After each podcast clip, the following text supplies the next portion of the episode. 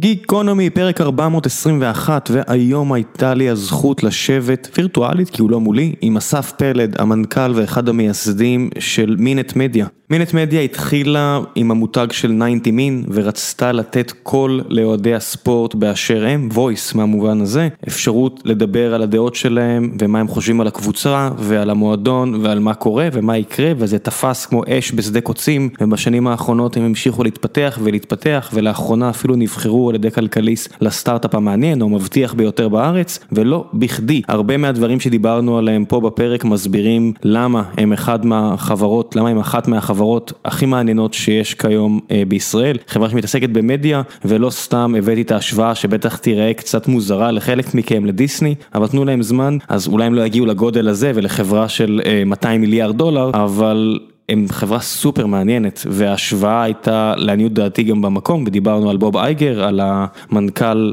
הנצחי והאגדי של דיסני, מישהו שהזכרתי פה בפודקאסט לא מעט, ועל ESPN ועל קוביד ועל uh, כדורגל אירופאי לעומת שחקני NBA ואיך שחקני NBA uh, מפיצים את הדעות שלהם ועל החברות שהם קנו, כל מיני מותגים, כולם פחות או יותר בעולם הספורט מכירים, מהפליירס טריביון ולכל מיני מותגים אחרים שהם קנו לאחרונה, מה שהפך אותם לחברת המד מדיית ספורט מהגדולות בעולם, מבין אלה שלא מחזיקות גם בזכויות השידור כמובן.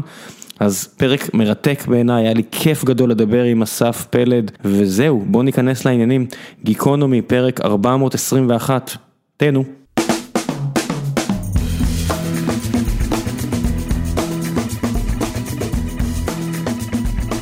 גיקונומי פרק 421 והיום יש לי את הזכות לשבת וירטואלית כי הוא לא מולי עם אסף פלד המנכ"ל ואחד הפאונדרים של הסטארט-אפ הלוהט בארץ.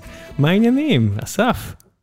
מצוין ראם, הזכות והכבוד הוא לי, כיף לראות אותך. תגיד, קיבלתם את החדשות בהפתעה ככה בסקר הזה של כלכליסט? אני יודע שזה נשמע מפתיע ואולי אף לא אמין, אבל אני אומר לך שהופתענו והופתעתי באופן מוחלט. טוב, אני מניח שיש הפתעות רעות מאלו. יש הפתיעה, היו לנו כל כך הרבה הפתעות רעות בשנה האחרונה בעולם ובספורט, וזה נחמד מדי פעם להיות מופתע באופן חיובי. אני כבר ארבע שנים מאיים על שותפים שלי פה בסטרים אלמנט, שאני אמצא דרך לעשות פיבוטון, או רק להוסיף ספורט למה שאנחנו עושים, כי זה נראה לי כל כך טבעי, ואני כבר ארבע שנים לא מצליח למצוא את ה-use case הנכון, המספיק מעניין אצלנו, ואני רק פותח עיניים על, אה, על החברה שלכם. זה בסדר שאני אומר את זה?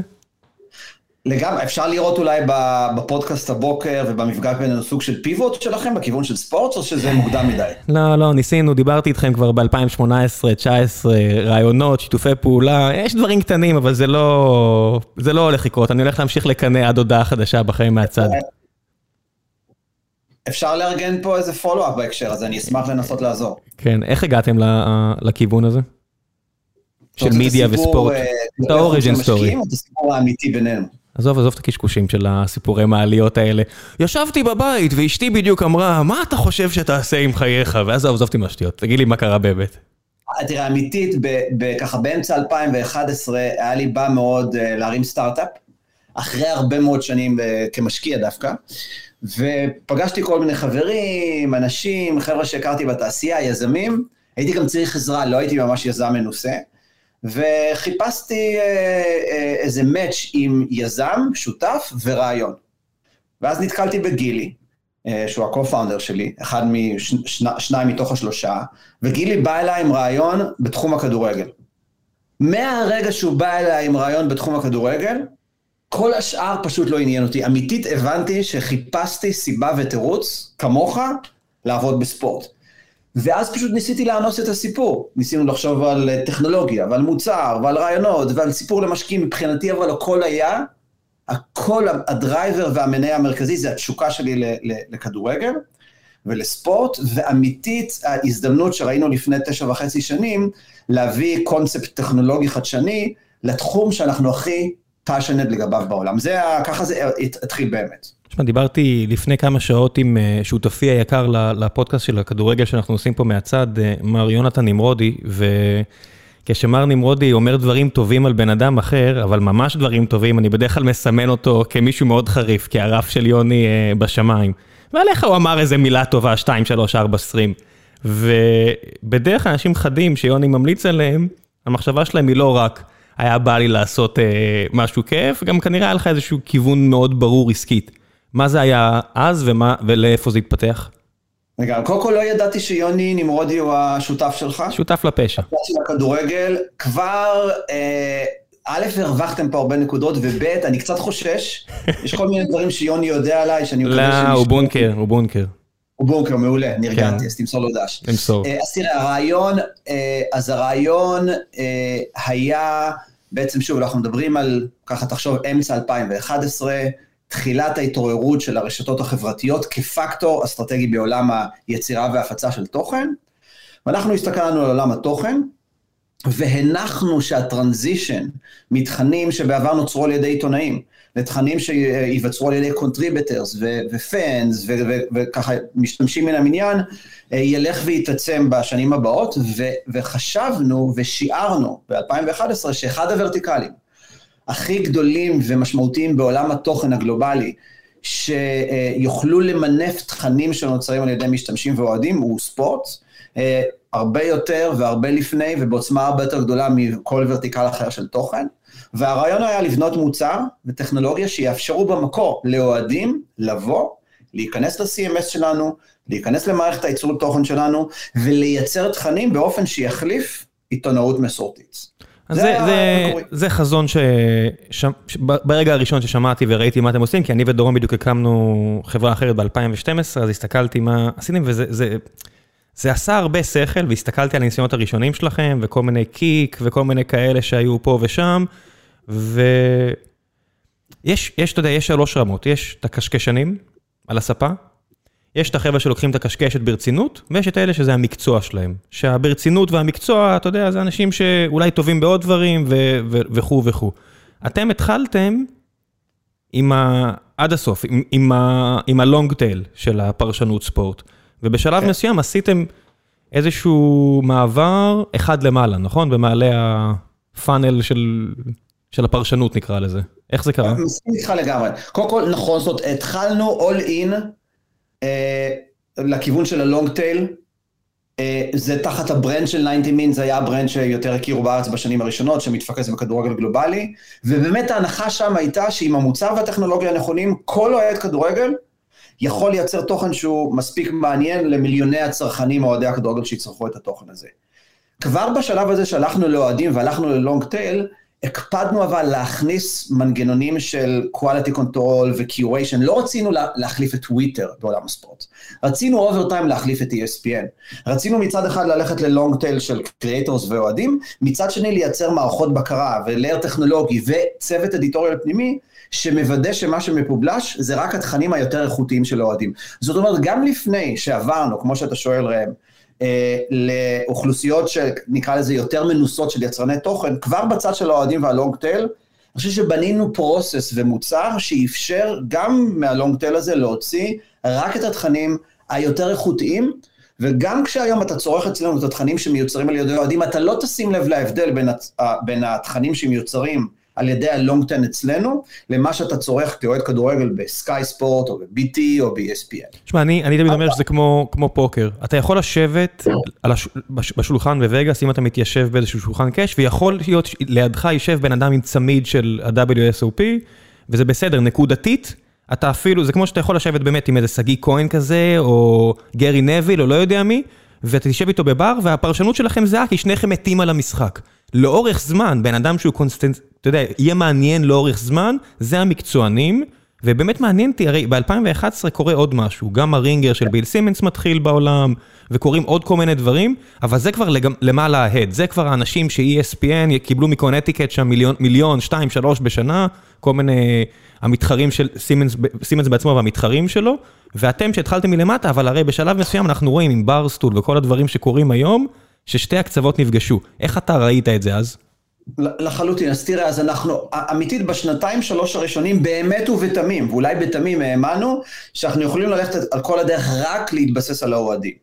אבל כן נכון, ככל שהביזנס גדל אחרי ארבע וחמש ושש שנים, הבנו, כמו שאתה שואל, שאנחנו רוצים ללכת גם יותר למעלה. לא על מנת לוותר על מה שאתה קורא למטה, על האוהדים, על הלונג טייל, רצינו להתחיל ללכת למעלה, כי ראינו כמוך את ביל סימנס, רינגר, ו... אה, ומגמות אחרות בעולם הזה, שגרמו לנו להבין שה diversity והשילוב בין היותר למעלה ל long tail הוא המעניין לצרכן הסופי, הוא המעניין למפרסם הסופי, וגם אנחנו הלכנו בשנים האחרונות ליותר למעלה.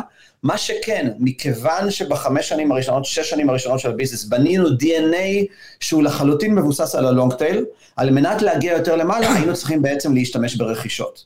וכמו שאתה בטח יודע, בשנתיים וחצי, שלוש האחרונות, קנינו ארבע חברות, בעצם תוכן, הן מאוד מוכרות, מאוד חזקות בארצות הברית, שאפשרו לנו לגשר על הפער הזה, ולשלב בין ה long tail למה שאתה קורא למעלה. ואצלנו למעלה, אה, אגב, הלך הכי רחוק שיש, ברכישה האחרונה שלנו, Players' Tribune. למי שלא מכיר. מביאה אתלטים, ספורטאים כן.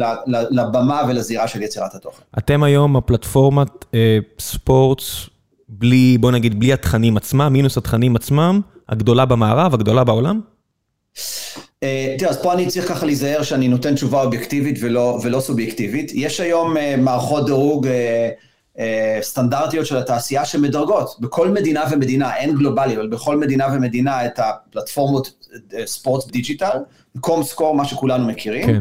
אה, בשוק האמריקאי אנחנו היום, אה, מבחינת sports audience, אנחנו מספר שלוש, אוקיי? אחרי ESPN ואני מניח NBC, מבחינת וידאוים, זאת אומרת כמות הוידאוים שנוצרים ונצרכים בתחום ה digital sports, אנחנו לא מדברים על שידורי ספורט, מדברים על תכנים יותר כן, קצרים. כן, כן, כמובן. אנחנו מספר אחד, אנחנו מספר אחד ב Comscore בשוק האמריקאי, וההנחה שלי, כן, ההנחה שלי שאם אתה אוסף את הדירוג Comscore שלנו בכל המדינות בעולם, אנחנו נמצאים ב-14 מדינות ושפות, אין הרבה שחקנים גלובליים במטריה הזו, אנחנו כנראה מספר אחד, או נקרא לזה top 2 או 3. זה הערכה שלי, הדירוג הגלובלי. זה משחק שראיתי אותו, יצא לי לדבר עם uh, דרור, בלי שם משפחה, בלי לסבך אנשים, investing.com, שהם עשו משחק מאוד דומה על כל מה שקשור לעולם ההשקעות, ואתם עשיתם את זה בכל מה שקשור לפרשנות ספורט, רק שאצלכם, בניגוד ל- ל- ל- לעסקים כאלו, שיש להם את כל האפיליאציה עם הפורקסים וכל הדברים האלה שהם עושים כדי uh, להפוך לעסק מאוד מצליח, אצלכם תמיד יש מעל את העניין של ה... תוכן עצמו, השידורים עצמם. ויש כבר סטארט-אפים שקמו בערך בשנה שמינט מידיה קמו, אני יכול לחשוב על Zone וכל מיני כאלה ש, שניסו לעשות את הקפיצה הזו, זה עבר לך בראש מדי פעם? שאלה מצוינת. אה, בוא נגיד, תמיד לאורך הדרך הסתכלנו על זה, נאלצנו להסתכל, משקיעים שואלים על זה, אנחנו שאלנו את עצמנו. האסטרטגיה שלנו עד היום הייתה לא, אנחנו מאוד מאמינים במיקוד, אנחנו חושבים שכל תחום התוכן בספורט, לפני ואחרי משחקים, תכנים יותר קצרים, ואפילו תכנים קצרים תוך כדי משחקים, הוא כל כך עצום, כל כך גדול, והוא לתפיסתנו בטווח הארוך יותר מעניין מהשידורים עצמם, והסיבה שהוא לדעתנו יותר מעניין מהשידורים עצמם, כי בש... ו-2020 וקוביד והתקופה שבה הפסיקו שידורי הספורט, או ירד לחלוטין בצורה משמעותית הרייטינג של שידורי הספורט, הוכיחו לתפיסתנו את הסכנה של לבנות את ה business שלך, ואני חושב ש DAZN זה דוגמה כזו, בלי להיכנס לפרטים, אה, אה, בהתבסס על שידורי ספורט. אה, סיבה אחת, המחיר שאתה צריך לשלם לזכויות של שידורי ספורט הוא גבוה בצורה שהיא יוצאת דופן, כן. היא super inflated, היא לא מאפשרת לתפיסתנו לבנות business כלכלי, אתה גם לא באמת בונה נכס לטווח ארוך. אתה קונה זכויות שידור מהליגות. אתה משכיר לארבע שנים במיליארדי דולרים או פאונדים נכס שעם כל הכבוד, אלא אם כן אתה ממנף אותו הלאה כמו שדיסני עושים בצד אחד או סקאי עושים בצד שני, זה התאבדות כלכלית. בוא נשים את זה על השולחן. בדיוק, אז מה, בעצם, עכשיו לא רק שאתה משלם מיליארדים לארבע שנים, אתה גם בעצם, כל ה business שלך זה לטייב את הערך של הנכס הזה, כשבעוד ארבע שנים תבוא לעשות bid נוסף, הערך שלו עלה בצורה משמעותית, ואגב, זה, זה, זה מה שקורה. ואתה אומר דיסני, תסתכל על ESPN, זאת אומרת ESPN... אני מדבר, דיסני, כשאני אומר דיסני אני מתכוון ESPN. אני... לא, בוודאי, כן. בדיוק, אז אני אומר ESPN, שאתה יודע, כל המודל שלהם מבוסס על היכולת to own זכויות ספורט, וכל ה-revenue והביזנס מסביב והדיג'יטל מבוסס על ההנחה שהם אונר של שידורי ספורט. אתה ראית שבשנת 2020, unfortunately, המודל הזה, הוא, יש לו סימני שאלה פונדמנטליים בטווח הארוך.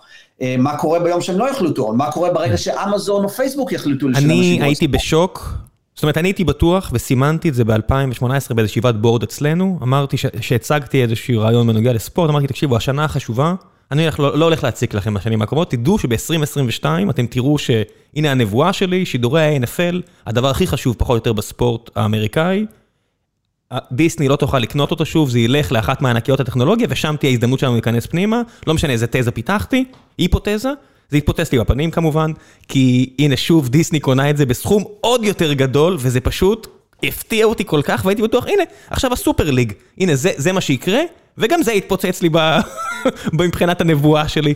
זה נראה כאילו הם לא יכולים לוותר על זה. זאת אומרת, הם תקועים עם הדבר הזה, הרשתות הגדולות בעולם, כי לא נשאר שום, שום סיבה אחרת לצרוך יותר תוכן live בערוצים שלהם. קודם כל עובדתית לא נשאר שום דבר. זאת אומרת, כ-anchor content category, זה, זה, זה הקטגוריית תוכן והזכויות היחידות שנשארו לרשתות הטלוויזיה, כסוג של, אה, אה, הייתי אומר, עוגן למערכות יחסים עם ה mass market. פלוס ריאליטי, פלוס טקסים וזהו. נכון, נכון, הבעיה שה... נכון, בסדר, הטקסים אבל זה, זה one off, זאת אומרת זה כמה פעמים כן. בשנה. ריאליטי הוא משתנה מעונה לעונה, וזה גם לא אותו סדרי גודל של, של סכומי כסף עצומים שמשולמים ל Premier League ול-NBA, אבל אפרופו מה שאתה חלקת עם ה board שלך כתח, כתחזית, כתזה לפני uh, מספר שנים, אתה יכול ללכת ולראות אותך, אני חושב שזה אונליין, אחד הרעיונות שאני אולי נתתי באחד הכנסים לפני שלוש וארבע שנים, אני הערכתי שבסופו של דבר, מתי שבעוד כמה שנים, החשיבות של ownership של שידורי ספורט היא כל כך גבוהה שהאמזונים של העולם גם יתחילו להסתכל על זה. בסופו של דבר גם הם הולכים לכיוון של תוכן, עם כל הכבוד לדיסני, לאמזון יש בלנס שיט של עשרות, אולי מאות מיליארדי דולרים, והנה אתה רואה, היום שאתה בא לראות משחקי פרמייר ליג, פה בלונדון איפה שאני גר, אתה יכול לראות את זה בסקאי וביטי, אתה יכול להתחיל לראות את זה יותר כן. ויותר באמזון. אז בוא אני אספר לך איך זה נראה, בגלל ש... חברינו הטובים בטוויץ', בכל זאת ניסו לטבול את האצבע הקטנה שלהם בבריכה הזו, אז הם קנו את המשחק הכי פחות מעניין של ה-NFL, ב-100 מיליון דולר לתשעה משחקים, מקווה שאני לא מתבלבל. וכיוון שלא יודע מה, 50% מהיוצרים ב Twitch משתמשים בכלים שלנו, אז גם החבר'ה שנבחרו אה, מטעם ה-NFL לשדר את המשחק, כי זה קטע מגניב, אמרתי, הנה, סוף סוף החלום שלי מתגשם. וה-NFL היו כל כך זהירים, אתה יודע, הם לא הרשו, לא הרשו לנו לשים שום שכבה מעל, שום דבר מעניין, שום engagement, וזה מתחבר גם למה שאמרת על ESPN, שאמרת, העסק של ESPN ודיסני, המשחקים עצמם, כן, זה רק בגלל שחברות כמוכם וביל סימנס עם הרינגר שלו פשוט זזו הרבה יותר מהר. לא היה שום סיבה הגיונית ש-ESPN לא היו עושים, ואני בטוח שכל משקיע בעשר שנים האחרונות שאל אותך, תגיד, למה שאתם תצליחו ולא ESPN? כי הם זזים לאט. כן, תראה, אני חושב שהשאלה הזו היא, היא, היא שאלה שהיא תמיד מעניינת, ואתה תמיד, זה נכון שתמיד האינקמבנט, השחקן היותר גדול, אה, הוא בפוזיציה יותר, אה, אה, יותר מתאימה לבוא ולעשות את הדברים האלה, שבסופו של דבר ברוב המקרים הסטארט-אפים האלה שבאים ועושים, אתה יודע, בעבודה לפני האחרונה שלי, הייתי ב-M&A של סיסקו, וקנינו אינסוף חברות, זאת אומרת, קנינו 15 חברות כל שנה. ותמיד היינו מסתכלים על חברות ועל פתרונות ועל מוצרים וטכנולוגיות ושואלים את עצמנו, למה אנחנו צריכים לשלם על זה מאות מיליוני דולרים? למה אנחנו לא עושים את זה בעצמנו? כי אי אפשר. ה-DNA של החברות הגדולות, לא משנה אם זה Cisco ב tech, או, או, או כל חברה אחרת, או ESPN בספורט, הוא כזה שפשוט לא מאפשר להם, לא מאפשר להם לייצר uh, דברים מהסוג הזה ולקדם innovation מהסוג הזה. אגב, זו אחת הסיבות, ובטח אם נגיע לזה בהמשך, שבארבע, חמש שנים הראשונות של ה business בנינו את ה-90 מין, בנינו את המוצר, בנינו את הדרך החדשנית שמאפשרת לאוהדים לייצר תכנים ש over time יחליפו עיתונאים. בשלוש, בשלוש שנים האחרונות מה שעשינו, לקחנו את הפלטפורמה הזו, את הטכנולוגיה הזו, כמו חברה, כמו הרבה מאוד חברות ישראליות אחרות, ובנינו מה שנקרא B2B ביזנס. לקחנו את הפלטפורמה הזו, והתחלנו לקחת אותה ל-ESPNים של העולם. יש לנו היום משהו כמו 60, 70, 80 פאבלישרס וחברות מידיה גדולות, שמשתמשות בפלטפורמה שלנו, ובמוצרים שלנו, בטכנולוגיות שלנו, בתכנים שלנו, ב-90 מין שלנו, על מנת לקחת את הספורטס, content ו product experience שלהם באתרים שלהם ל next level, וזו בדיוק התשובה לשאלה שלך, הם לא מסוגלים לעשות את זה לבד, זה לא רק ESPN, זה כמעט כל שחקן גדול אחר בעולם הזה. היחידים שאני מוציא מן הכלל, שבאמת הרשימו אותי, זה ה Premier League עצמה, שלמשל עשתה את ה Fantasy, המוצר Fantasy של ה Premier League, זה סופר מפתיע, באמת, אני, אני מוריד את הכובע, זה, ו, ו, זאת אומרת, בניגוד למשל ל Fantasy של Yahoo, שהוא קקי פח ואני משתמש בו רק בגלל שאין מה לעשות, אני מסונדל כבר ותקוע שם, אבל אתה, הנה, הפרמייר ליג פשוט באמת מרשימים כארגון, אבל זה, זה לא, לא אינדיקטיבי, זה מאוד מיוחד. אני קודם כל, אני, אני מאוד מסכים, אני חושב שאתה יודע, כמוך הייתי חולה ספורט עוד לפני שהתחלנו את, את מינית מידיה, הייתי אגב אני חושב גם כמוך, יותר ככה בקטע של ספורט אמריקאי, בעיקר NBA, אהבתי כדורגל, אבל לא באותה, באותה צורה, באותה מידה. מהרגע שעברתי לגור בלונדון ולהתעסק בשנים הראשונות בעיקר בכדורגל, אתה יודע, למדתי להכיר יותר מקרוב את, ה, את הליגות כדורגל השונות, ואת ההתנהלות שלהם, את ה pros וה cons של כל אחד, ואני מסכים איתך שה Premier League הדהימו אותי לאורך השנים, איזה brand וארגון ו business מדהים הם בנו. אה, אני לא חושב שאם אתה מסתכל חמש, עשר שנים אחורה כאוהד כדורגל, הליגה האנגלית היא הליגה הכי טובה בעולם. היום זה אולי המצב, אבל לפני עשר, עשרים שנה זו הייתה הליגה האיטלקית. לפני עשר שנים היית מסתכל על הליגה, אבל יש משהו במותג וב business שה Premier League בנו, שהוא above and beyond, ובמובן הזה זה אחד הדברים של להיות... אני אגיד לך מה זה, זה ה-8.6 מיליארד פאונד של הזכויות שידור ואיך שהן מחולקות, בניגוד לליגה בספרד, שזה הולך רק ל top, אנגליה הבינה את מה שהבינו ב-NBA מזמן, שאם אתה נותן כסף גם לחבר'ה למטה, הרמת עניין תעלה, כי יהיה באמת עניין בליגה מכל כיוון, אבל רציתי לשאול אותך משהו אחר, בגלל הרכישות שלכם, בגלל הדברים המעניינים שאתם עושים. בניגוד לפרמייר ליג, שאני כמעט ולא שומע שחקנים מעניינים, זאת אומרת, הם בעיקר עסוקים בלבגוד בנשים שלהם, או לא יודע מה ריין גיגס עושה אתמול או היום, אה, ב-NBA, חבר'ה פשוט מרתקים אותי. זאת אומרת, אני שומע סיפורים של שחקני NBA בעבר או בהווה, גם בפלטפורמות שלכם, כאלה שרכשתם ממש לאחרונה ואחרות, והם פשוט התבררו גם כיצרני תוכן מדהימים. מסכים איתך לחלוטין, ואני חייב להגיד לך, זה גם, זה גם דבר שוב, אני כמוך צורך NBA באופן אובססיבי, אני חושב משהו כמו 35 שנה, וגם כדורגל, ו, ו, ובאמת רק בשנים האחרונות, מהרגע שנכנסנו לשוק האמריקאי, ב-2016-2017, ובעיקר מהרגע שקנינו את הפלטפורמה של ה-Players Tribune, אני מבין עד כמה הספורטאים האמריקאים הם שחקנים הרבה יותר משמעותיים בכל ה-culture, התרבות, השיח החברתי אה, האמריקאי. אה, עד כמה כל אחד מהם, אנחנו כולנו רואים את לברון ג'יימס וכולי, אבל שוב, כמו שאתה אומר, אתה יכול להיכנס אלינו לפליירס טריביון, ואתה רואה כל חתיכת תוכן שלהם.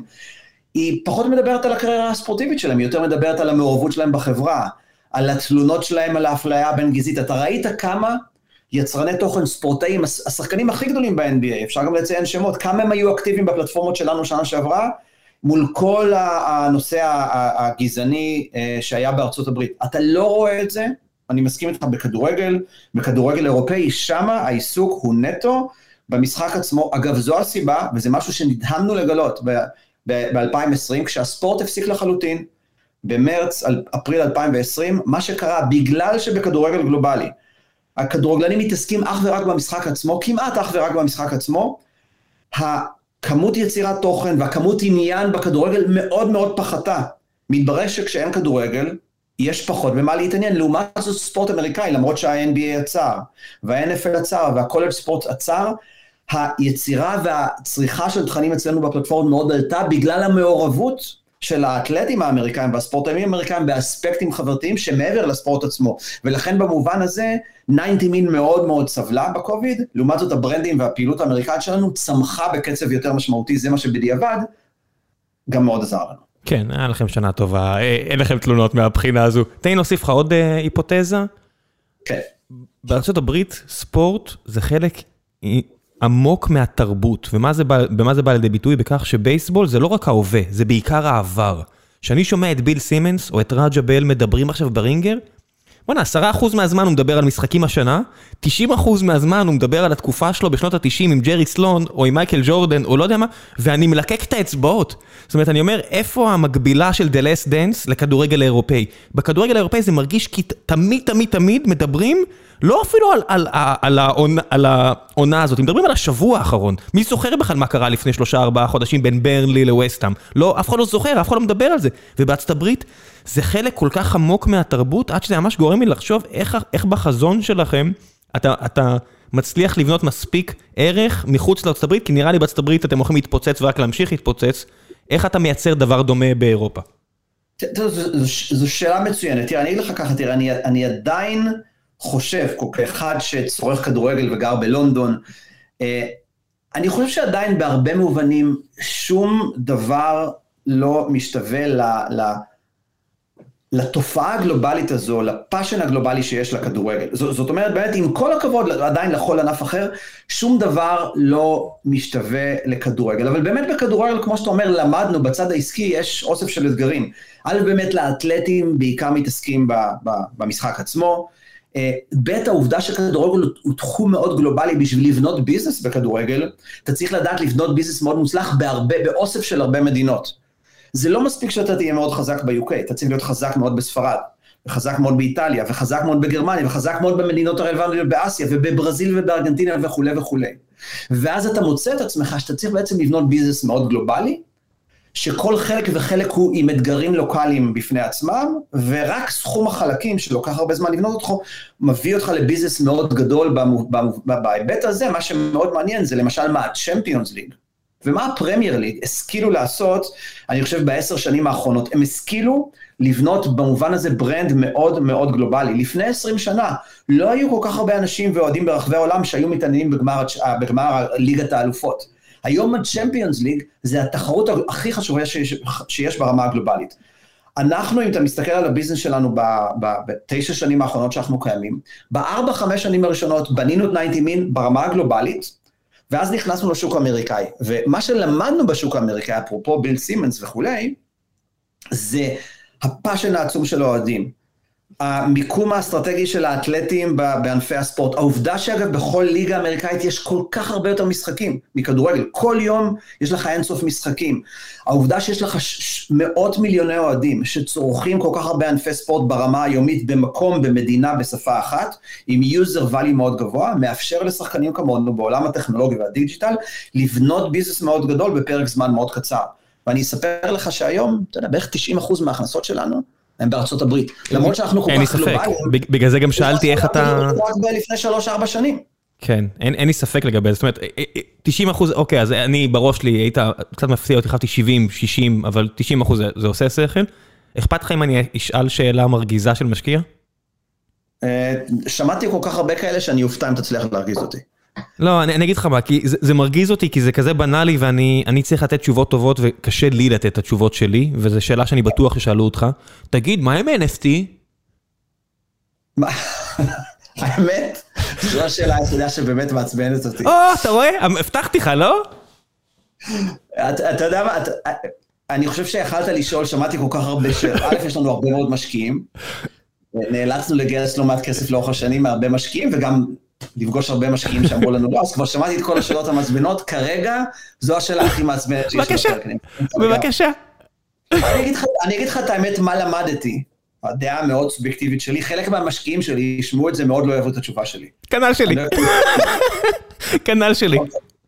אני אגיד לך, מה שאני למדתי בתשע עשר שנים האחרונות בביזנס, אחת לכמה זמן, יש לך איזה, אתה יודע, איזה vibe, איזה רעיון חדש, איזה הייפ חדש, איזה התלהבות מאיזה קונספט חדש.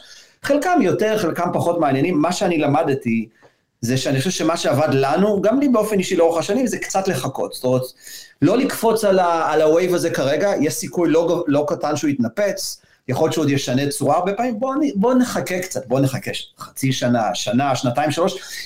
אני, אני, תשמע, זה מעניין, אבל יש לי, יש לי גם לא מעט הסתייגויות. אני כרגע מעדיף לשבת, להסתכל, לחכות, לצפות בטעויות של אחרים, לצפות בלא מעט משקיעים גם לדעתי מפסידים הרבה מאוד כסף במטריה הזו. רק בגלל שהסכומים כאלה גדולים, כי החבר'ה של, של NBA Top Shot קבעו רף אתה מדבר איתי על זכויות שידור ב-8.6 מיליארד פאונד, ששנינו מסכימים שזה נורא קשה להפוך את זה לביזנס, לך תצדיק ולואציה של 7.5 מיליארד דולר לחברה שקמה לפני לא יודע מה, ומוכרת משהו שאכן נמכר, בוא אני לא אגנוב דעת, הם עשו שם הכנסות של 550 מיליון דולר, ולכן המחויבות שלי לחברה היא באמת להסתכל לעומק על כל דבר, אבל בשלב מסוים אני חייב להגיד, I don't get it. כן, נכון, ושוב, אתה יודע, לפעמים ראם, אתה ואני צריכים לזכור, אני לא יודע בין כמה אתה, אני חושב שאני... אני כמעט 40, אנחנו מספיק אה, בומרים, שנינו, אתה... אז כן. קודם כל יכול להיות שיש משהו פה שלא טריוויאלי לנו לתפוס, ואנחנו מפספסים, כי אנחנו רגילים לצרוך את העולם הזה באופן שונה במשך לא מעט זמן. אה, תמיד יש בהקשר הזה שאלה של, אה, א', האם זה מעניין? כן, זה מעניין. האם יש הצדקה? האם העניין הזה מצדיק כאלה שווים וכזה טירוף כרגע? הניסיון שלי אומר שכנראה לא. ולכן אני, כן, אני מזכיר לך, זה טיפה מעצבן, זה טיפה מוגזם בעיניי, אבל אתה יודע, אני נהנה ל- ל- לצפות ולראות, ובהמשך אני לא אופתע אם בשנה, שנתיים, שלוש הקרובות אנחנו גם נעשה משהו, זה יכול להיות רכישה. זה יכול להיות שיתוף פעולה, זה יכול להיות לבנות משהו פנימי, אנחנו, אנחנו נסתכל ונעשה בזמן ובמקום שמתאימים לנו. יפה. שאלה מעצבנת מספר 2, מרשה לי? אני חושב שהיא כנראה בהגדרה תהיה פחות מעצבנת מהקודמת. לא יודע, היא משהו שמציק לי, כי אני, כי, ד- כי דעתי עדיין לא התיישבה, ואני אשמח לשמוע את דעתך. הימורים. כן. כן. אז היא טיפה פחות מעצבנת מהקודמת. רק טיפה. אוקיי? כן, אפילו קצת יותר מטיפה, כן. אה, תראה, אני אישית לא, אה, לא מהמר בספורט, אה, אה, למרות שאני, אתה יודע, להבדיל מה-NFT, אי אפשר פשוט פה להתווכח עם העובדה שרוב מוחלט של אוהדי הספורט בעולם, רוב מוחלט של אוהדי הספורט האמריקאים, רוב מוחלט של אוהדי הספורט ההארדקור בכדורגל האירופאי, הם מהמרים כל הזמן. אז להבדיל מה-NFT... הסתברות הומצאה בגלל הימורים. אז בוא נסכים שהבני אדם אוהבים הימורים, בסדר. הביזנס קייס, נעזוב אותו. קיים אמיתי, אין לנו מה להתווכח עליו. כן. עכשיו, לחברה כמו שלך, אולי אפילו כמו שלנו, לא יודע מה, בעיקר שלך, כי זה הרבה יותר רלוונטי לספורט, איך אתה מצליח תשע שנים לרקוד בין הטיפות כשהפיתוי כזה גדול? אז אני אגיד לך ככה, תראה, אני אגיד לך מה, מה, מה, מה למדתי לגבי, לגבי הנושא של, של הימורים, אוקיי? אמ, אם אתה מסתכל למשל על השוק האמריקאי, השוק האמריקאי עד לפני שנתיים בערך אסור היה להמר בספורט אמריקאי ב digital, ב online, זה היה לא חוקי. בשנתיים האחרונות התחילה רגולציה, וזה הופך להיות, כמו שאתה יודע, יותר כן. ויותר חוקי, וזה הפך להיות, אתה, אתה יודע, יודע. לא פחות ממני, אתה מאזין לביל סימונס וכולי, הפך להיות אה, ה driver של, של ערך, אחד הכי גדולים והכי משמעותיים שיש בשוק האמריקאי. הדבר המעניין הוא שגם לפני שנתיים, עוד לפני שזה הפך להיות regulated וכולי, זה היה שוק ה online sport betting הכי גדול בעולם. למה? כי העובדה שזה לא היה, היה, היה חוקי לא מנעה מכל אוהד ספורט אמריקאי לעשות את זה. אוקיי, זאת אומרת, הטבע האנושי של אוהד הספורט הוא, הוא, הוא כל כך בכיוון של להמר anyway כל הזמן, ככה שגם הרגולטור האמריקאי וגם אנחנו כולנו למדנו שאי אפשר באמת, אי אפשר באמת להתעלם מזה, אוהדים ימצאו דרך פחות חוקית לעשות את זה anyway, ולכן בסופו של דבר הדרך הנכונה פה היא, היא, היא הייתי אומר, כן למצוא את הדרכים היותר נכונות, א', מבחינת התעשייה, להתמודד עם התופעה הזו, לתת כלים ופלטפורמות שהן נותנות מענה לצורך של המשתמשים, אבל גם להגן על המשתמשים עד כמה שאפשר, ואני חושב שזה גם המוטו שמנחה אותנו. לבוא ולהגיד בתחום שלנו, שאנחנו רוצים להיות השחקנים ספורט, ולהגיד בטינג אנחנו לא נוגעים בזה, זה לא, בוא, בוא אז, אז, אז בוא נלך לתחום אחר, האוהדים רוצים את זה. אני חושב שמה שמצאנו בשלוש-ארבע שנים האחרונות זה דרך שהיא דרך ביניים, שנותנת את הבלנס וגם מאפשרת לנו ברמה הערכית להרגיש נוח עם מה שאנחנו עושים בתחום הזה. אני לא רואה אותנו, יכול להשתנות, אני לא רואה אותנו הופכים לספורטס בטינג אופרטור.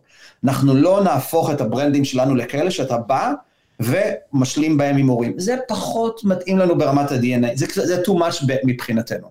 מצד שני, מה שכן עשינו בשנים האחרונות, זה לא מעט שיתופי פעולה, למשל עם ווין ופן דואל בארצות הברית, שזה שחקנים גדולים בתחום הבטינג, שבעצם מאפשרים לאוהדים לבוא ולייצר ולצרוך תכנים אצלנו על בטינג ועל פנטזי, דיברת קודם על פנטזי, שזה תחומים מאוד גדולים, כולם מתעסקים בהם. Having said that, אם אותם אוהדי ספורט רוצים לבוא ובסופו של דבר באמת להמר, הם עושים את זה במקור אחר, לא אצלנו. אז, אז אני חושב שזה ה balance שאנחנו לקחנו על עצמנו מבחינת התחום הזה, והוא הוא, הוא גדול, הוא מייצר עבורנו לא מעט ביזנס והוא צומח בקצבים מאוד גבוהים. טוב, זה כבר לא שאלה מעצבנת, אבל הבאה בתור. אני יורד במורד ה hype train ואני מגיע כבר למשהו שאני לגמרי מאמין בו, והגיע לפתח דל... דלתך בשנים האחרונות, או חודשים האחרונים יותר ויותר אודיו. זאת אומרת, ראינו מה החבר'ה של קלאבהאוס עשו, והם הציתו די, די מדורה. זאת אומרת, בחודשים האחרונים טוויטר נכנסו לעניינים עם ספייסס וברסטול, עכשיו זה, זה, זה, אתה יודע, מסאונד קלאוד ו... וכולם. ו... ופייסבוק עכשיו נכנסים לעניינים, איפה אתם בסיפור הזה של אודיו? כן, קודם כל, מן הסתם פה אנחנו... מה שנקרא אינובטיביים כבר לא נהיה. זאת אומרת, השוק, השוק הפך להיות מאוד גדול עוד, עוד לפני שאנחנו נכנסנו אליו, וזה בסדר, כמו שאמרתי על NFT. לא חושב שאנחנו צריכים להוביל ולבנות פה כל שוק בעולם הזה. שוק עצום, אתה, אני כצרכנים, לפני שנתיים לא היינו נוגעים בזה, היום זה מה שאנחנו עושים כל הזמן, זה, זה, זה מראה את כמה גדול הפוטנציאל הזה. אנחנו כבר עושים לא מעט באודיו, אם אתה מסתכל על הרכישות האחרונות שעשינו, Players Tribune, אני חושב שאודיו, בקטגוריה של ספורט, אחת האופציות הכי אסטרטגיות, הכי מעניינות בטווח ארוך, זה להאזין לשחקני NBA, להאזין לכדורגלנים, להאזין לשחקני NFL. שוב, רינגר עושים את זה, אבל עם כל הכבוד, אני חושב שאנחנו כשחקן שהוא מפוקס על sports, נמצאים בפוזיציה מאוד אסטרטגית לעשות רק את זה, לאורך זמן, להיות השחקן המוביל במטריה הזו. אני מזמין אותך ואחרים כבר היום להאזין ל audio franchises שנמצאים אצלנו, יש למשל אחד שנקרא Knuckleheads, שזה בעצם סוג של derivative של TPT, של The Players Tribune, שזה בעצם שחקני NBA שמראיינים אחד את השני, סופר מצליח בשוק האמריקאי. תוכן אש, אני אשים את זה על השולחן, אני שם את זה כדעה סובייקטיבית לגמרי, זה פשוט תוכן מעולה. אני מאוד נהנה. להאזין לנקלהדס? כן, כן, כן, אני, יש לי פה כמה חבר'ה פה איתי בחברה שהם פנאטים ברמה הזו. יש סיכוי שהם איתי בפנטזי ואני מנצח אותם, אז אם הם מאזינים עכשיו, אז סאק את. וטל זה אתה, וכן, אתה יודע, אנחנו מדברים על זה, כי כיף לשמוע את החבר'ה מדברים, כי זה, הם מכניסים אותך פנימה. אין מה לברוח מזה, הם מכניסים אותך פנימה. אתה יודע, זה קודם כל, אתה יודע, קודם כל זה 90's וכזה early 2000's, זה התקופה שאנחנו כולנו, התקופה וה-80's הכי רומנטית של ה-NBA וכולי, אז הם מביאים לשם את השחקנים הכי גדולים שיש, ועם כל הכבוד לביל סימונס ול The Ringer, בעיניי מה שנקל הוכיח לי, זה שכשיש לך שחקן NBA, מראיין שחקן NBA אחר, והצד שמראיין יודע לעשות את העבודה, שום דבר לא משתווה לאותנטיות ול engagement ול passion ולעניין שאתה מקבל שם כאוהד. ויש לנו אגב היום franchises מקבילים, יש לנו franchise שנקרא Trust Level בתחום של NFL, שחקני NFL מראיינים שחקני NFL, ואם אתה שואל אותי בתחום של אודיו, עבורנו בשנה, שנתיים הקרובות, זה אחת הקטגוריות המרכזיות ב expansion שלנו. אתה תראה אותנו עושים עוד דברים, אתה תראה אותנו עושים דברים בתחום של betting לאודיו, אה, ואתה תראה אותנו עושים אה, אה, אודיו ב-90 מין, אבל אני חושב שה theme המרכזי שלנו זה להשתמש ב access וב brand שיש לנו מול הספורטאים והאתלטים. זה הדבר אחד שאנחנו, Minute Media, Players' Tribune, יודעים לעשות לתפיסתנו יותר טוב כמעט מכל שחקן אחר, ולאורך זמן נוכל לעשות אותו גלובלית, בעוד ענפי ספורט, באופן שייצר ייחודיות וביזנס שהוא סופר מעניין. איך אתה מנהל את החברה עכשיו? זאת אומרת, אני, אני, אתם, אתם עושים קצת הרבה. אם להיות כן, זאת אומרת, אתם קצת אה, אימפריית מדיה. איך זה נראה... לפני עשר שנים הייתם חברה קטנה, צנועה, טכנולוגית, אתם עכשיו ממש חברת מדיה עם כמה, כמה כבר עובדים? 150? לא, אז קודם כל אנחנו קרוב ל-400. Oh. אנחנו רואים את עצמנו כחברת טכנולוגיה ותוכן, או, או אתה, יכול, אתה יכול לקרוא לזה פלטפורמת מדיה, אבל שהיא בעצם מבוססת על ה-core technology platform שלנו ועל, ועל ה-content brand שלנו, ו, ובאמת, באופן שהוא יחסית חריג, בעיקר, אני חושב ש... שיש חברות טכנולוגיה מצוינות, ב, בעולם, לפעמים בעולמות האלה, יש חברות תוכן נפלאות, בעיקר בשוק האמריקאי, בשוק האירופאי. אני לא חושב שיש עוד חברות, ואולי אני סובייקטיבי פה, בעולם וב vertical שלנו, שהם לאורך זמן ה vision וה mission שלהם הוא להצטיין גם באזור הטכנולוגי, ולהצטיין גם באזור של התוכן, ולשים את שני, שני, שני סוגי ה-DNA האלה תחת קורת גג אחת. ולשאלתך, זה האתגר, וזה האתגר האמיתי, המרכזי והאמיתי שלי, ככה כמי שמוביל את החברה בשנים האחרונות, בעיקר בשנים האחרונות. אה, כי באמת בשש שנים הראשונות היינו גם חברת תוכן, אבל הטכנולוגיה הייתה הדבר המרכזי, הנכס המרכזי.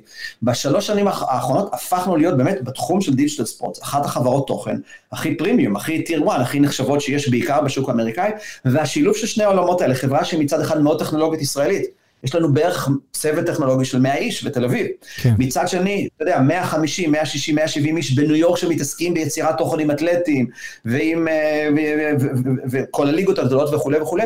שני העולמות האלה תחת קורת גג אחת, אני מניח שאין יותר מדי חברות אחרות ש, ש, שעושות את זה. דיסני, אה, לא יודע, אתה, אתה, אתה, אתה נכנס לנעליים של, לא יודע, של בוב אייגר, זה באמת, אתה יודע, רק בסדר גודל, כמה סדרי גודל למטה מבחינת ה scale, אבל אין הרבה חברות שבאמת זה באמת טכנולוגיה ובאמת מידיה שאתה אחראי עליה. כן, אז תראה, קודם כל, קודם כל, האנלוגיה מחמיאה, אני חושב שיש לי עוד בערך, אה, לא יודע, 30 שנה לעבוד קשה בשביל להגיע... יש לך גם עוד 30 שנה פער בגיל, 20 שנה פער בגיל, אייגר, יש לך זמן.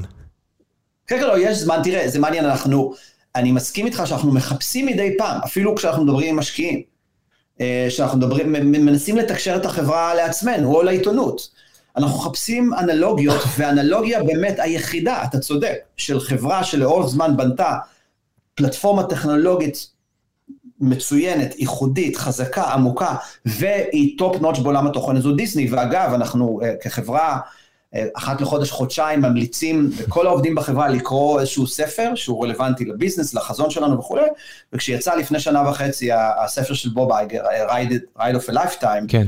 מיד קנינו אותו וחילקנו אותו לכל העובדים, כי אין עוד דוגמאות של חברות שלאורך עשרות שנים הצליחו לבנות מצוינות בטכנולוגיה ותוכן. אגב, בוא אני אשאל אותך ראם, אתה, אתה יודע מי החברה הנוספת שמצטיינת, בעיקר בעשור האחרון, גם בטכנולוגיה וגם ב content? אני יכול לענות כמובן, אני אתן לך אולי כמה שניות. גם בטכנולוגיה וגם ב content. כן. זה, זה tricky, כי אני, מה שאני תופס כ content, הרבה אנשים אחרים, אה, לא יודע מה, גיא רולניקים של העולם יגידו פייסבוק זה content, אני חולק עליו מאוד בנושא הזה, אז אתה מתכוון באמת ל content, עזוב, בוא לא נבזבז את הזמן של המאזינים. כן, אז תראה, קודם כל פייסבוק זה מבחינתנו חברת טכנולוגיה בלבד, היא מן הסתם עוסקת בשינוע distribution content, אבל היא לא מייצרת תוכן, אין תוכן שהיא לא owner של... תשמע, ניו יורק טיימס הם פלטפורמה חזקה של תוכן וטכנולוגיה, אבל הם לא מספיק טכנולוגיה. זה בעיקר תוכן נטפליקס, בוודאי, בוודאי, בוודאי. בוודאי, כן. בוודאי. הם, הם זה בדיוק הדוגמה הזאת, חברה שהיא תמיד הייתה ידועה כחברה טכנולוגית, אתה יודע, ה talent dense culture שלהם, של הם לא מביאים ג'וניורים, הם מביאים רק את ה top top top של התעשייה, ותמיד היו ידועים בזה, וזה בול הדוגמה, כי היום אתה חושב על נטפליקס, הם לא, הם לא מדברים כאילו הם חברת מדיה, הם חברת מדיה, הם החברת מדיה, אין אף חברה בעולם שמוציאה על מדיה, על תוכן מקורי כמו נטפליקס בעולם. הם מייצרים יותר מאשר כל האולפנים ביחד היום, זה בול, אתה צודק, זה בול זה. נכון, אבל הם התחילו כחברת טכנולוגיה. נכון. זאת אומרת, בעשור הראשון של נטפליקס, ואני מזמין את כולם לקרוא את ספרים לאורך השנים על נטפליקס, הם היו first and foremost חברה טכנולוגית. ואני מאמין שלאורך זמן לבנות מובילות בעולם המורכב הזה, אתה חייב תמיד להתחיל מהצד הטכנולוגי, ואם אתה בונה פלטפורמה טכנולוגית נכונה וסקלבילית במשך 5-10 שנים, אתה אחרי זה יכול להיות גם מוביל גלובלי מהכיוון של התוכן. היום אתה כבר לא יכול להיות במקום שבו אתה יכול לבנות חברה שהיא סוסטיינבל לאורך כמה עשורים, רק מהכיוון של התוכן. אנחנו רואים מה קורה לסטודיואים. אנחנו רואים מה קורה לטלוויזיה, אנחנו רואים מה קורה לעיתונות. אם אתה בונה פלטפורמה טכנולוגית ומעליה מלביש תוכן, נטפליקס זה דוגמה מצוינת, אנחנו מקווים שבעוד 20 שנה נסתכל אחורה על דיג'טל מדיה, בתחום של שורט פורם, קונטנט לספורט ולקלצ'ר, אנחנו התחלנו כחברת טכנולוגיה ישראלית וצמחנו כחברת תוכן גלובלית. נקווה שזה גם uh, ייכנס לאנלוגיה של מעט מאוד חברות שהשכילו לשלב בין שני העולמות האלה. כן, למי שרוצה דוגמה, אז הספר הזה של בוב אייגר, אחד הדברים המדהימים שם, הוא לא... אז הוא מדבר יפה על סטיב ג'ובס מן הסתם, ועל המערכת יחסים ביניהם, אבל הבכיר היחידי פחות או יותר בדיסני שמקבל ככה קרדיט ממנו, זה קווין מאייר, שעזב עם פרסום הספר לטיק טוק ומאז כבר לא שם, הלך לעשות משהו okay. כן. אחר, אבל קווין מאייר מקבל את, ה, את הפרופס למרות שהוא היה ב-M&A, כמוך, כמו שאתה היית בסיסקו, אז הוא היה בדיסני ועשה יחסית אתה יודע, הוא, היה, הוא לא ניהל הרבה אנשים, אבל העובדה שהוא דחף לדיסני פלוס, ועשה את הקנייה הטכנולוגית שמאפשרת היום לדיסני פלוס, זה אחד הדברים שהצילו את דיסני בשנה הזאת, שבה הפארקים, שזה המנכ"ל הנוכחי של דיסני, נמחק לגמרי, והקרוזז נמחק לגמרי, ודיסני בשיא כל הזמנים, כי קווין מאיר עשה את הקנייה שאפשרה את דיסני פלוס טכנולוגית. לא בכדי, הוא האקזקטיב הכי חשוב, ששירת תחת בוב מאייר, אז אני מסכים איתך שהוא היחיד שכולנו זוכרים מהספר. אגב, אפרופו, למי שאין ספר, קודם כל אני מאוד ממליץ לקרוא את הספר הזה, גם את הספר האחרון של, של, על, על הקלצ'ר של נטפליקס, שנקרא No Rules Rules, שמספר כן. הרבה מאוד.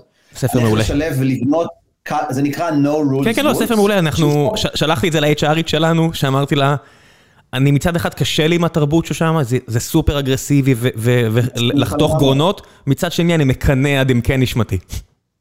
כן, אז אני אגיד לך ככה, תראה, אנחנו ב... leadership summit האחרון שלנו לפני כמה חודשים, שהוא כזה מעל זום גלובלית למשהו כמו 100 איש, הבאנו את ה chief, אה, אה, ככה people officer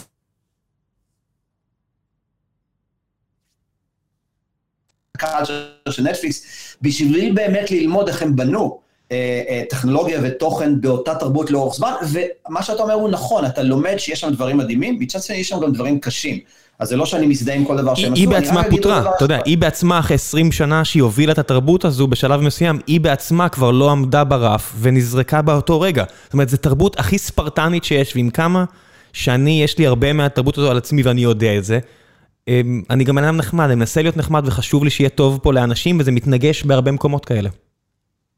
לגמרי. אפרופו ביל סימונס ובוב אייגר, יצא לך לשמוע את הריאיון שביל סימונס נתן לבוב אייגר אחרי היציאה של הספר? ברור, ברור, אתה יודע, זה בדיוק הדברים האלה שאתה אומר, fucking shit, זה נשיא ארצות הברית הבא. אתה מבין כאילו זה ברמה הזו. תותח על חלל. אתה יכול לשמוע את בוב אייגר מתראיין על הספר בעשרה מקומות שונים, אתה שומע את ביל סימונס מראיין אותו, ומה ביל סימונס יכול להוציא ממנו, וזה השילוב. כי ביל היה עובד שלו.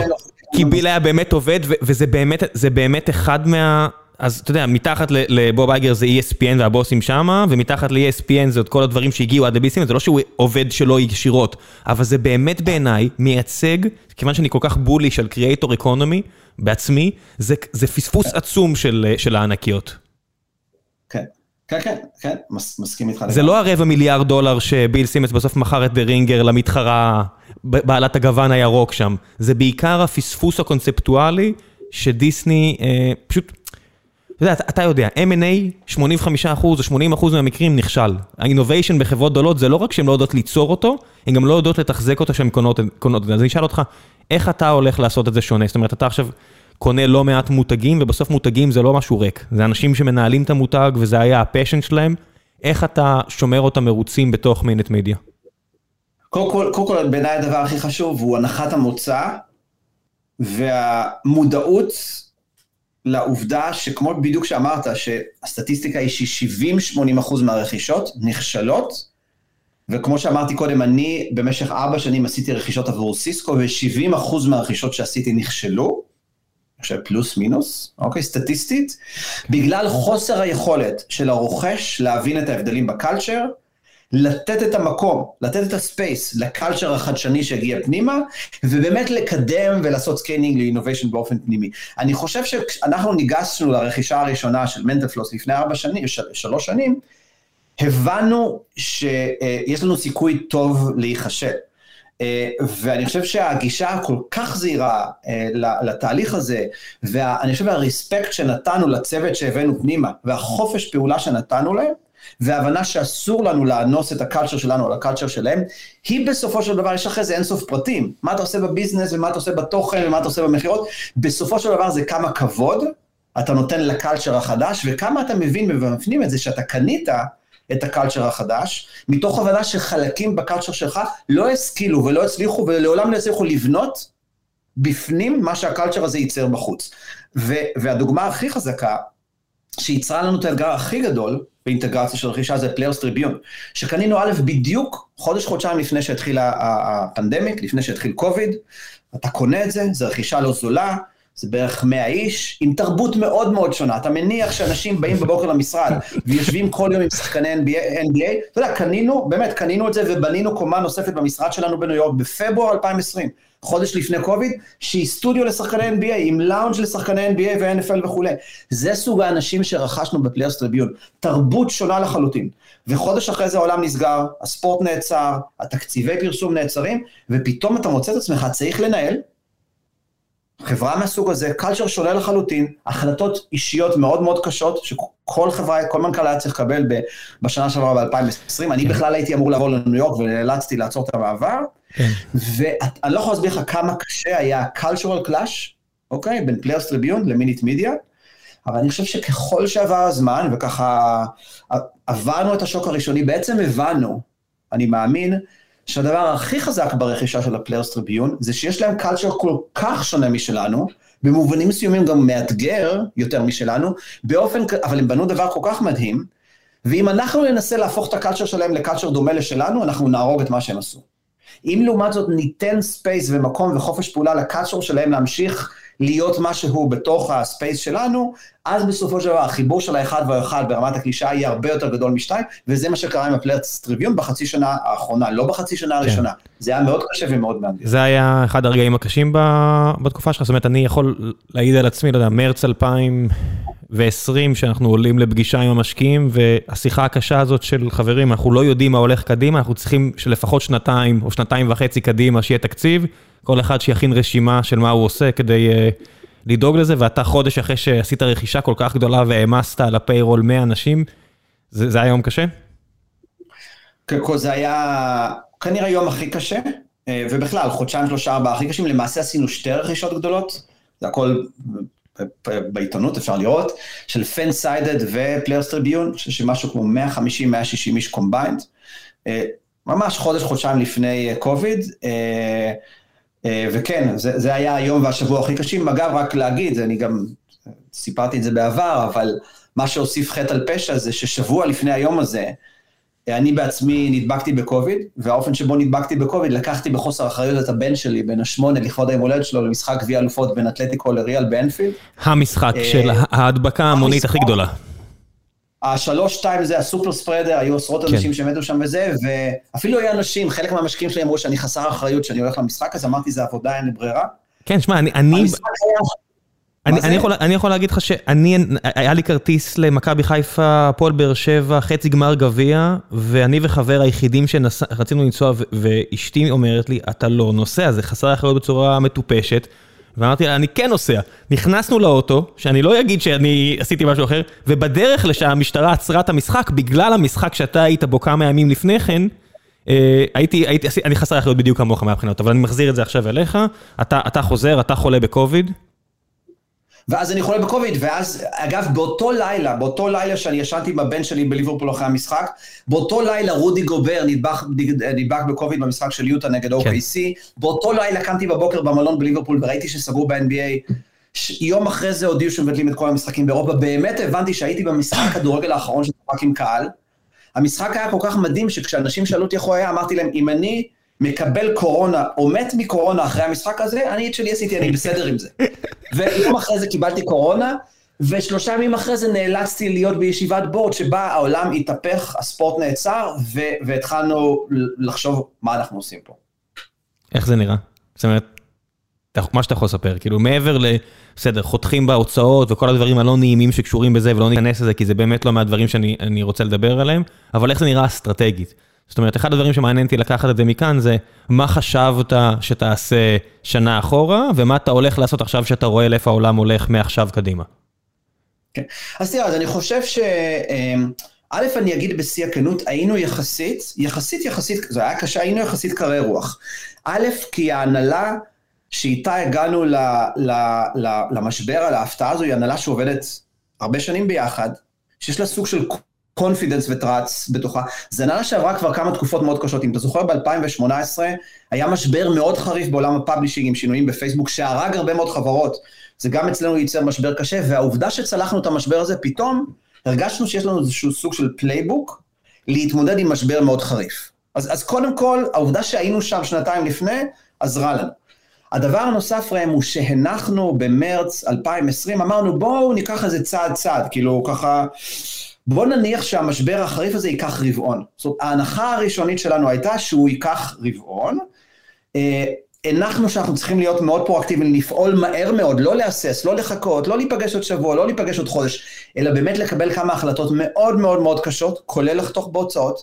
קיבלנו אותן באופן מיידי והנחנו בתור, בתור התחלה שיהיה פה משבר של רבעון. אה, אבל קיבלנו צעדים והחלטות ויישומים קשים באופן מיידי בצורה כזו שאם הוא נמשך מעבר לרבעון, נגלה שלא הפסדנו יותר מדי זמן. אני חושב שהיינו מאוד מהירים ככה להביט למציאות בעיניים, ואחרי חודש, חודשיים, באזור מאי, הבנו שלא משנה כמה מהר יחזור הספורט והעולם יתאושש וכולי, יש סיכוי שיש פה משבר של סדר גודל של שנתיים. ומה שעשינו אז זה, זה, זה שינוי משמעותי באסטרטגיה. עשינו בו, בשיא הכנות, עוד הקטנה בהוצאות. אמ, זה, זה היה כואב, זה, אה, זה, זה היה מאוד מאוד אה, לא פשוט, אבל היינו מאוד מהירים וחדים. אני חושב שמה שעוד השכלנו גם לעשות, יש לזה הרבה אבידנס, אנחנו הצלחנו לראות, אני חושב, מבעד לערפל, עם יחסית הרבה שקט נפשי, את ההזדמנויות האסטרטגיות ארוכות הטווח שהמשבר הנוראי הזה יכול לייצר עבורנו, ואת הפגיעה העצומה שהוא כנראה ייצר לחלק מהמתחרים שלנו, ולכן במקביל לטיפול במשבר התחלנו למנף ולהסיט חלקים בביזנס לכיוון של, ה, ככה, של ההזדמנויות. ולכן מה שקרה זה שברגע שהתחילה התאוששות קלה, בקיץ של שנה שעברה, ביולי, באוגוסט, הספורט התחיל לחזור לאט לאט, עדיין בלי קהל, עדיין בלי תקציבים, היציאה שלנו החוצה הייתה כל כך מהירה, בגלל שדאגנו לא רק לטפל במשבר, עשינו את זה נורא מהר, אלא גם מהר מאוד התיישבנו וניסינו לזהות ולעבוד ולהתפקס על ההזדמנויות. בוא נעשה שאלה אחת אחרונה לפני שנדבר קצת על חזון קדימה. איפה אתה רואה את השילוב של commerce ו merchandise בחזון שלכם? כן, אז אנחנו, אז, אז אנחנו חושבים שצריך להיות לו מקום משמעותי.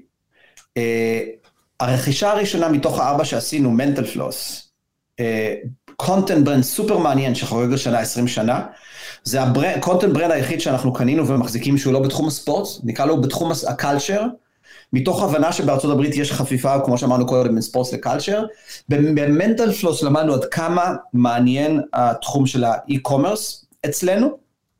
אה, ואנחנו רואים בשנים האחרונות, אפילו חברה כמו באזפיד, חברות תוכן גדולות נוספות, עושות הרבה business ב e-commerce, אני חושב שאם אתה משלב טכנולוגיה ו scale, ו engaging content ומערכת יחסים אה, אה, אה, אה, עשירה עם המשתמשים שלך, יש לך פוטנציאל עצום ל e-commerce. אני אגיד אבל, ש e-commerce ספציפית מעולם לא התרומם לגבהים משמעותיים ספציפית בקטגוריית הספורט, אפשר להבין למה. merchandise כן, e-commerce, בשביל להיכנס ולגדול ב e-commerce, אנחנו צריכים להרחיב את יריית התוכן שלנו לפריפריה של הספורט, ל culture, ל entertainment, סביב ספורט, שם הפוטנציאל ל e-commerce הוכח היסטורית הוא כנראה יותר גדול, וזה מה שאנחנו לחלוטין אקטיביים בו.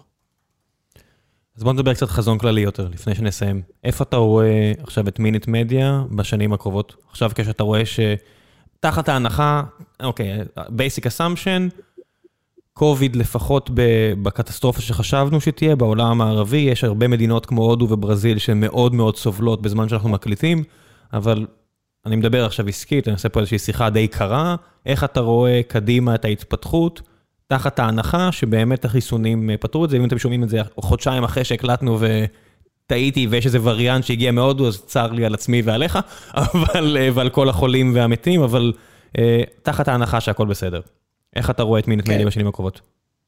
אז אני חושב שאם אנחנו נשב פה בעוד נקרא לזה ככה חמש שנים, מינט מדיה אמורה להיות ה-de facto, ה-recognizable, ה-acknowledged, global leader ב digital sports, עם פוקוס כמובן על short form content, אני לא מדבר על broadcast, אוקיי?